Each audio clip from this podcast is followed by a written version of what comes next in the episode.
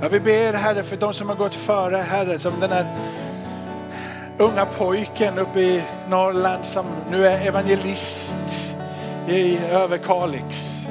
Vi ber om mer av den elden, mer utav den genomträngande, livsförvandlande gudsmötet som blir en källa till liv, inte bara i en säsong i livet utan genom hela livet Herre.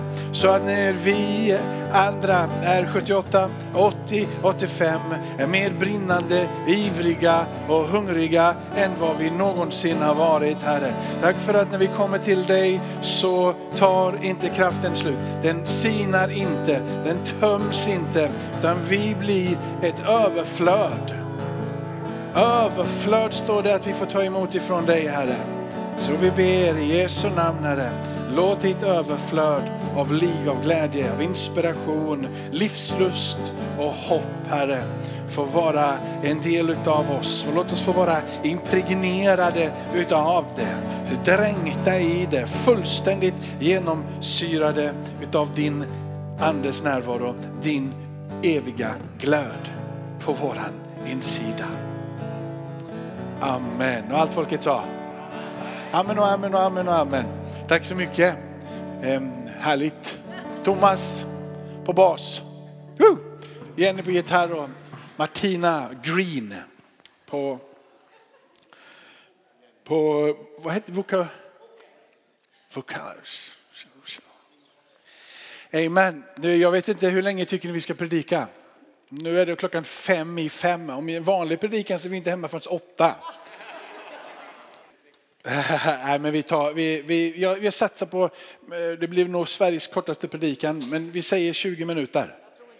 Du tror inte på 20 minuter? Ja, 22 då. Ja, vi, vi får se var vi landar. Eh, så otroligt härligt. Eh, du, man känner passionen och man känner glöden och man känner elden. Och mer av det behöver, behöver eh, du, vi behöver mer latino i Sverige. Amen. Vi behöver vara mycket latino här. Vi behöver ha, ha, ha både gråt, jag vet inte. Jag har mött en del spanjorer. Jag tycker att de, eh, de europeiska eh, spansktalande att de är ganska gråtmilda. De är, de är latinos fortfarande, sort of, även om de bor i Europa. Det är lång skillnad mellan kalla Sverige och soliga Spanien. Amen. Men jag tror nog att det finns några här som skulle vilja åka och möta er i Bolivia.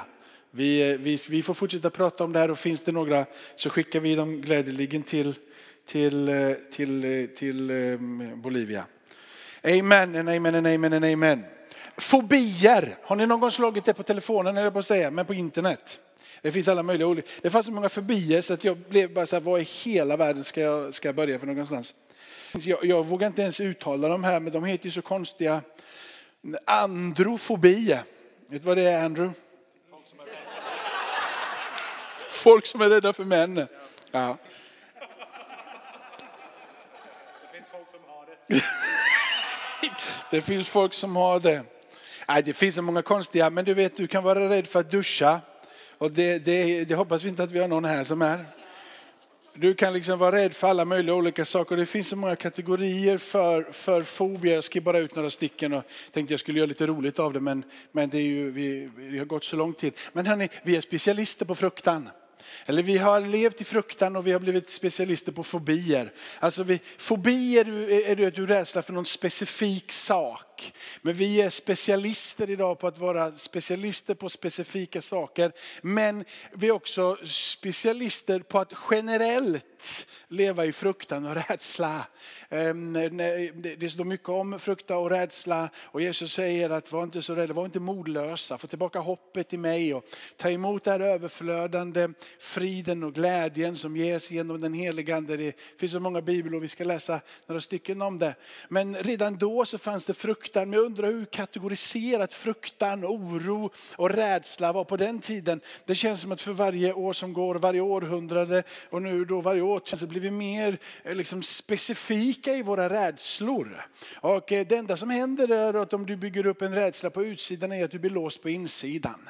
Det enda som händer är att om du exakt i allting vet, fruktan i sig själv gör att du blir instängd. Och han vill att du och jag ska bli brutna i våra hjärtan så han kan bryta den fruktan. Och du blir brusten i ditt hjärta när du lägger dig inför honom. Och det är då som binder dig blir då brutet för att du ska bli fri. Och eh, eh vi måste ju hålla oss till påskens eh, eh vad heter, budskap eller påskens texter. Och vi är ju mitt emellan två stycken fantastiska, eh, eller fantastisk period, vill säga från det påsken till pingsten. Och hela den här perioden ifrån påsken till pingsten handlar egentligen om anden. Det handlar om hur Jesus talar om att jag måste upp till Fadern så anden kan bli utgjuten. Han andas på dem i den texten som, som vi läser. Det är en tid av att förbereda sig för vad är det som han sa, vem är hjälparen som skall komma? Han talade så mycket om det här och så vandrar han tillsammans nu 40 dagar fram till Kristi himmelfärd. Från Kristi himmelfärd framåt 10 dagar till pingsten eh, faller. Eh, ni vet att pingsten i gamla testamentet handlar om att ta emot Mose lag. Det handlar om att ta emot från Sinai berg-lagen en, en, en, en riktlinje för hur man ska kunna möta med Gud och komma in i det allra heligaste. I nya testamentet så säger han att jag ska inte ge er en yttre lag som är skriven på stenar eller skriven på något yttre utan säger att ni ska få ta emot anden så att ni har mitt liv på insidan och kan vara ledda utav vara mig personligen. Jag vill vara mitt i bland er. På den kvällen, samma dag, den första veckodagen från Johannes kapitel 20 och vers 19 till vers 22. På samma dag, den första veckodagen, var lärjungarna samlade bakom låsta dörrar av rädsla för judarna. Då kom Jesus.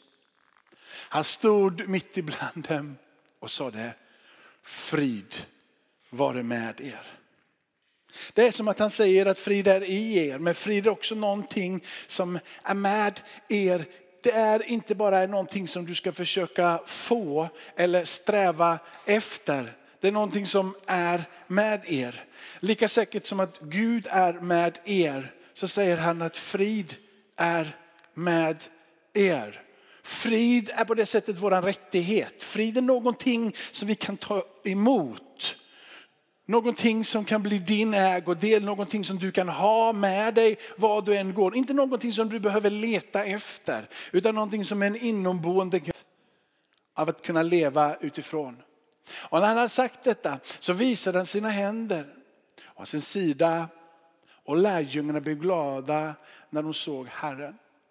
Jesus sa det ännu en gång till en frid var det med er. Som Fadern har sänt mig så sänder jag er. Sedan han hade sagt detta så andades han på dem och sade, tag emot helig ande. Den här berättelsen föregås av att Maria Magdala ifrån eh, Johannes, eh, det jag tar håll mig bara till Johannes, det blir ju lite olika, alltihop sammantaget handlar om en sak, Jesus uppstått ifrån de döda. Men i Johannes så ser vi så att, att, Maria, att Maria är där och du har två lärjungar som springer efter. Men första mötet är med Maria. Och jag skulle vilja hälsa till dig den här eh, situationen när Jesus möter Maria.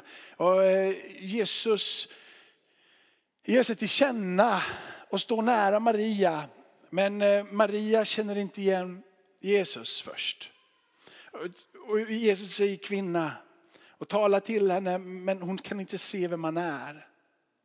Och så är det som att Jesus växlar upp lite högre och inte kallar henne kvinna utan han säger Maria. Och när Jesus säger Maria så känner Maria igen Jesus. Ja, jag tror att det är på det sättet som Gud vill adressera dig. Du är inte bara hans barn generellt, även om du är det. Utan han vill titta dig i ögonen och säga Roger. Han vill att du ska förstå att du inte bara generellt är hans barn, att du tillhör honom, utan att du specifikt, att som vi talade för, att han har, han har dött och han har uppstått i dig och han känner dig vid namn. Han vet vem du är. Det är ju skitläskigt för oss kristna när vi talar med en som inte är kristen. Vi kommer och vi är så glada över att Jesus känner dig och mig så väl. Att han vet allting om dig. Och var du än går Martina så vet han var du tar vägen. Han är med dig överallt. Och du och jag vi finner en otrolig frid i det. Och en otrolig närvaro i det och kärlek i det. Men om, tänk om du är ateist. Och du sitter och säger att Jesus vet allt om dig. Det är skräckinjagande. Gud vet allt om dig. Den enda gången som du vill verkligen veta att Gud vet allt om dig, det är när du vet någonting om honom. Hur kärleksfull han är, hur nådefull han är, hur beskyddande han är, hur stor omsorg han har om dig, hur nära han vill vara dig och ta hand om dig och lyfta dig upp ifrån det som är dina fobier, fruktan och rädsla. Men om du inte vet vem Gud är så är det det mest läskiga du kan säga till någon. Gud vet allt om dig. Han är med dig var du än går. Jag vill inte ha med mig han överallt där jag går. Om inte du vet vem han är och hur han är dig nära för att ta hand och vaka över dig. Ibland så kastar vi ut ord kanske som är betydelsefulla för dig men som kanske till och med kan bli en blockad för någon annan. Om han vet allting om mig, vill han då verkligen ha mig? Om han verkligen vet allting om mig, vill han verkligen älska mig? Om han verkligen vet allting om mig.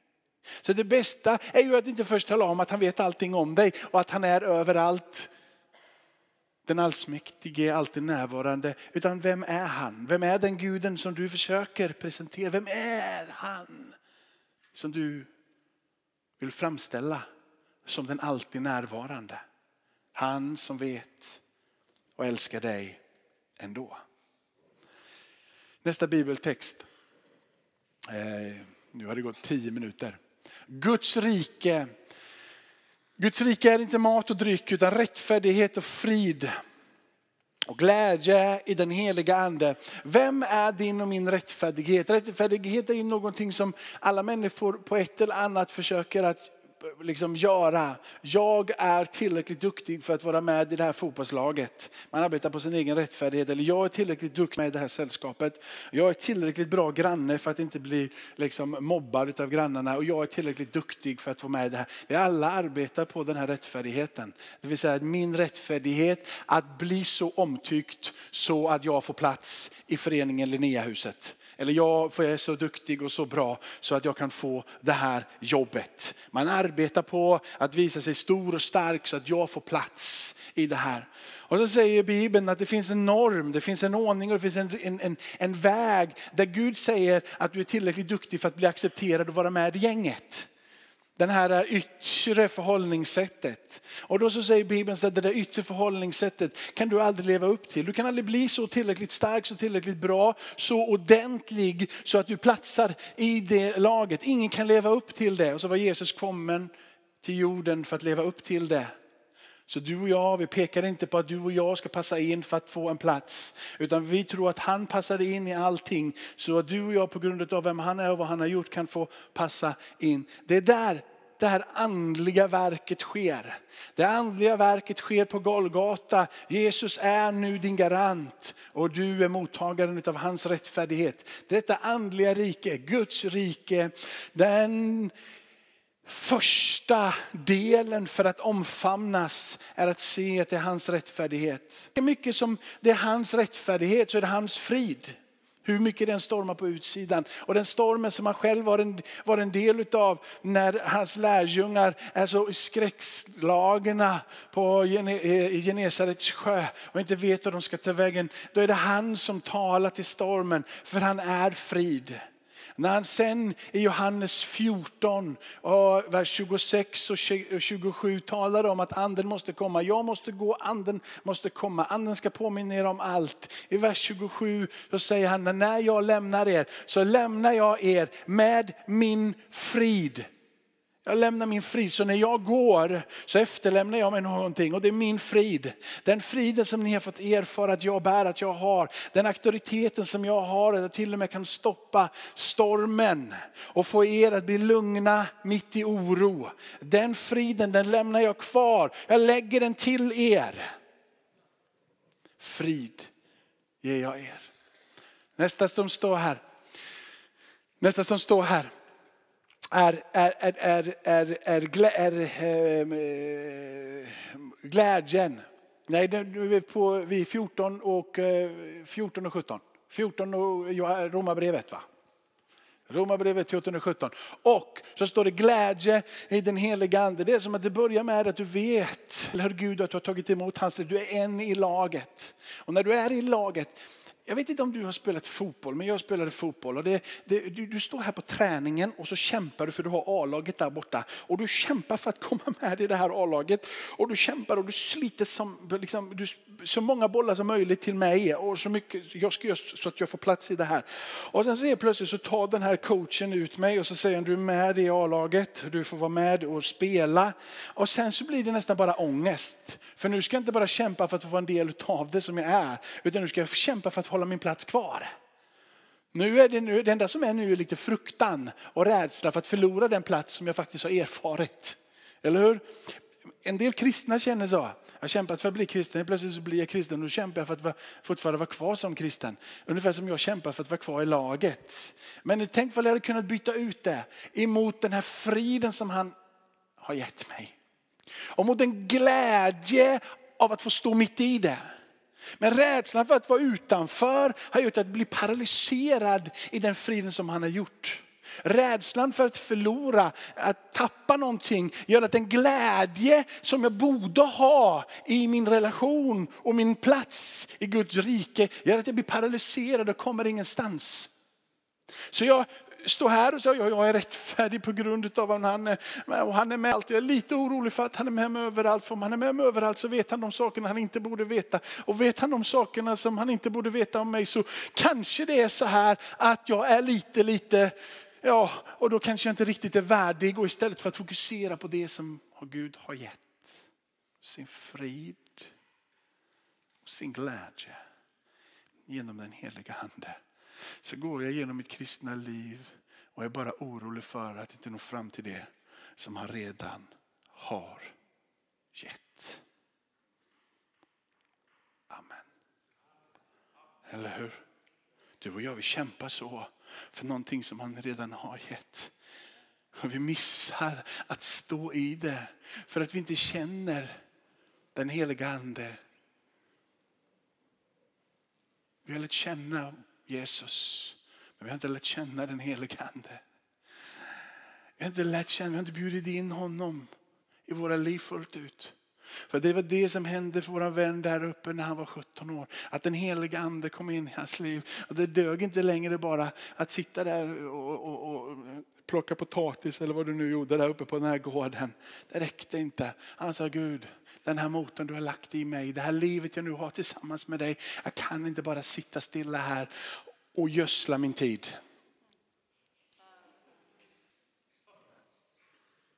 Det finns ett driv.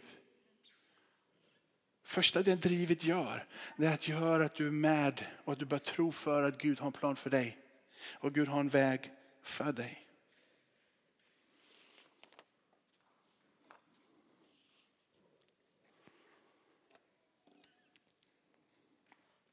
Om du är religiös, och det är du ju inte, men om du är religiös så står det så här.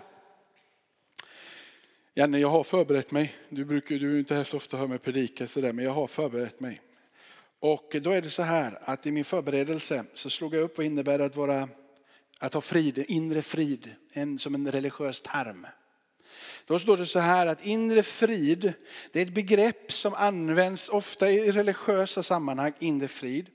Det betyder att man har ett inre lugn. Man har ett lugn i sin själ.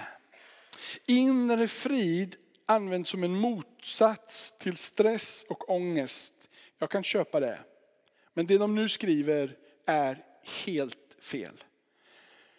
Vilket uppnås, den här inre friden, den uppnås genom lugn, självbehärskning, kunskap och förståelse om den religion du vill leva i. Det är så långt borta ifrån kristendomen du kan komma. Första sakerna låter så bra. Inre lugn, själ som är i balans. Men hur den uppnås i en kristen kontext där anden får verka är inte byggd på någon kunskap och förståelse och insikt eller självbehärskning. Mötet med Jesus föder en insikt om vem han är. Mötet med Jesus föder en kunskap om vem han är. Och mötet med Jesus är den inre förvandlande kraften som gör att lugn infinner sig. Det är mötet med Jesus, inga yttre saker som ger det drivet på insidan. Frid på insidan skapar en generositet. Frid på din insida innebär att du ger av det du äger. Du ger ditt liv. Friden är inte beroende på de här olika omständigheterna på utsidan, hur det ser ut, vad som inte händer eller vad som borde hända. Din frid är bortanför allting vad omständigheter och rörelser är. Frid med Gud beroende av att de rätta omständigheterna är i balans med dig som person. En frid med Gud har inga yttre bojor. Frid med Gud är en innestående löfte ifrån hans eget mun. Erfaret mottaget genom tro på det han säger. Inte vad du kan fånga och sträcka dig efter. Tro på den som Gud är, tro på det Gud säger. Tro inte på det Gud säger och försök att tro på den han är. Du tror på den han är och då tror du på det han säger. Och det vill säga att om han säger att frid är med er och du tror att han har dött på korset så borde det också vara möjligt att kunna ge den friden som han säger att han äger och som han vill ge dig i hans namn. Amen. Någonting händer i de här mötena som är ifrån Johannes 20. Den här friden som landar, den här friden som kommer över dem. Ge dem i slutänden en väldig tro på Guds omedelbara närvaro. En tro på Gud, en tro att det finns en Gud som verkar. Jag har skrivit upp några, liksom, några enkla saker som händer när tro kommer. Och vi avslutar med de sista tre, fyra minuterna kan jag nu. Det är ändå fem punkter. Men du, så här. Tron. Tron växer och tron blir ädlare. Tron blir inte ofta mer glamorös, men den blir ädlare ju längre tiden går. Tron blir inte mer fyrverkeri, utan tron blir ädlare i den formen att den växer i styrka, i hållbarhet. Får jag säga så? Hållbarhet. När tron växer så växer den i hållbarhet. Den är som att den, när den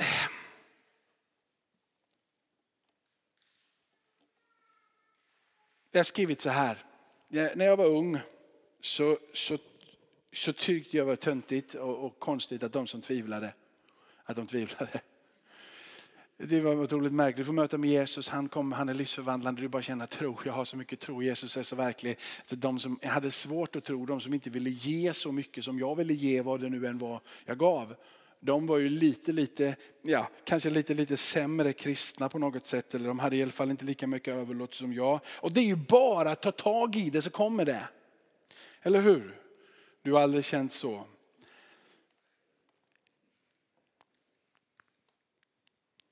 Problemet är bara den att ju äldre jag har blivit så eh, eh, måste jag erkänna att jag är bara tacksam att jag är bevarad i min tro. Det är att få en ädlare tro. Det är att ha en tro som växer. En tro som blir stabilare. Meningen är inte att det ska bli en tråkig tro som gör dig själv hemmasittande. Men när du växer i tro så blir den alltid ädlare. Den hållbarheten stärks. Jag har skrivit så här att tron är fysisk. Det vill säga tron är inte bara ett andligt fenomen. För tron sträcker sig in i alla delar av ditt liv. Tron sträcker sig så in att den inte bara har med ditt andliga väl utan det har med hela ditt väl. En tro som är hållbar, en tro som är stabil, sträcker sig bortanför inte bara den inre förvandlingen och inre kraften. Tron, när den är där på plats, berör hela ditt liv. Jesus möter dem lite senare här i Johannes och han har då förberett en måltid för dem när de kommer. Han säger kasta ut näten igen och det händer. Jag skrev att när tron växer så kan det inte bli något flummigt. Det finns ingen möjlighet. Tro som blir ädlare ju mer den får växa. Som ju mer hållbar ju längre den får vara där. Att den i sin tur skulle bli flummigare. Jag menar att tron, när den har gjort sitt riktiga verk, är mer konkret och verklig än någonting annat. Det börjar med att du förstår att du är en del av laget. Att den här friden som övergår allt förstånd har tagit sin plats och sin rotning i dig. Att du förstår att det finns en salighet att få vara med i och inte alltid känna dig utanför. Och personen helige ande föder det. Men hur vet du att han föder det här? Ja, det är att det blir mer konkret. Det blir inget flummigt, det blir verkligt, det blir nära, det blir hållfast. Tron som är från Gud och som växer, det är en övervinnande tro. Och den övervinnande tron kan man tro att den aldrig har varit bruten. Men du ser den övervinnande tron som tar dig igenom till andra sidan är den tron som har blivit krossad i ditt liv och upprättat utav honom själv. När du har varit så nära så att du till och med fått vara på förklaringsberget, men att du senare i samma andetag kan förneka Jesus. Och det fanns till och med de som när Jesus då, alltså, vem, vem skulle Jesus, om Jesus kommer tillbaka från de döda som han gjorde, så hade inte, han gör inte som jag gör. Jag hade på något sätt rört mig in bland dem och gett dem lite skuld. Vad var det jag sa? Vad var det ni sa? Vad var det jag sa? Vad var det ni sa? Vad var det jag sa? Hur blev det? Blev det som ni sa eller blev det som jag sa? Jag fick rätt igen. Ni trodde inte, men här är jag. Eller hur? Va? Så, och vem skulle trycka dig mest? Det vore väl Petrus. Petrus, du har fått vara med om det här och det här och det här. Och du sa att du aldrig någonsin skulle förneka mig. Men här är jag, vem hade rätt? Du eller jag? Vi gillar de sakerna. Vem hade rätt? Du eller jag Kevin? Liksom den. Vem, vem hade rätt? Du eller jag? Eller hur? Det är det vi spelar på. Jesus, tänk om han skulle bara röra sig in till Pontus Pilatus och få säga till Pontus Pilatus, du säger det är jag som är sanningen. Jag har sanningen, jag är sanningen. Jag är före Abraham. Han skulle möta de skriftlärda. Vad skulle han göra? Ni har letat i skriften hela ert liv. Ni förstår ingenting av det som är i skriften. Här är jag, jag var ordet och nu är jag kött mitt ibland er.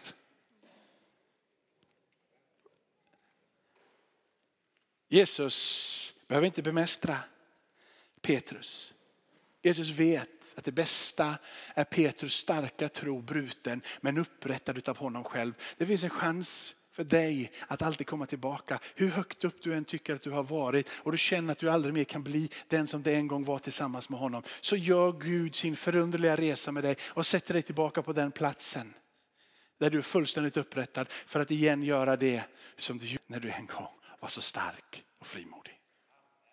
Gud älskar att röra sig bland de som är brutna. För de inser att de var brutna för just den saken. Att bli upprättade så att han skulle få all ära. Du ser tron i sig själv, i sitt essen när vi har pratat på det här sättet, är nämligen en gåva. Tron är ingenting som du fångar, som du äger. Tron är någonting som du har tagit emot och som på något sätt ska äga dig. Det är tron som är det livsförvandlande. Här kommer tron till dig. Så länge som du håller på att kämpa med att du ska tro så kommer du ständigt och jämt att misslyckas. Men när den tron som Gud ger är den som bär dig så är det han som bär och det är du som går. Det finns ju ingen anledning för min son att försöka bevisa för mig att han är min son. Men det finns all anledning för mig som, min pappa, som pappa Jakob att bevisa för Elton att han är min son. Det är han som blir stark av att jag tar hand om honom.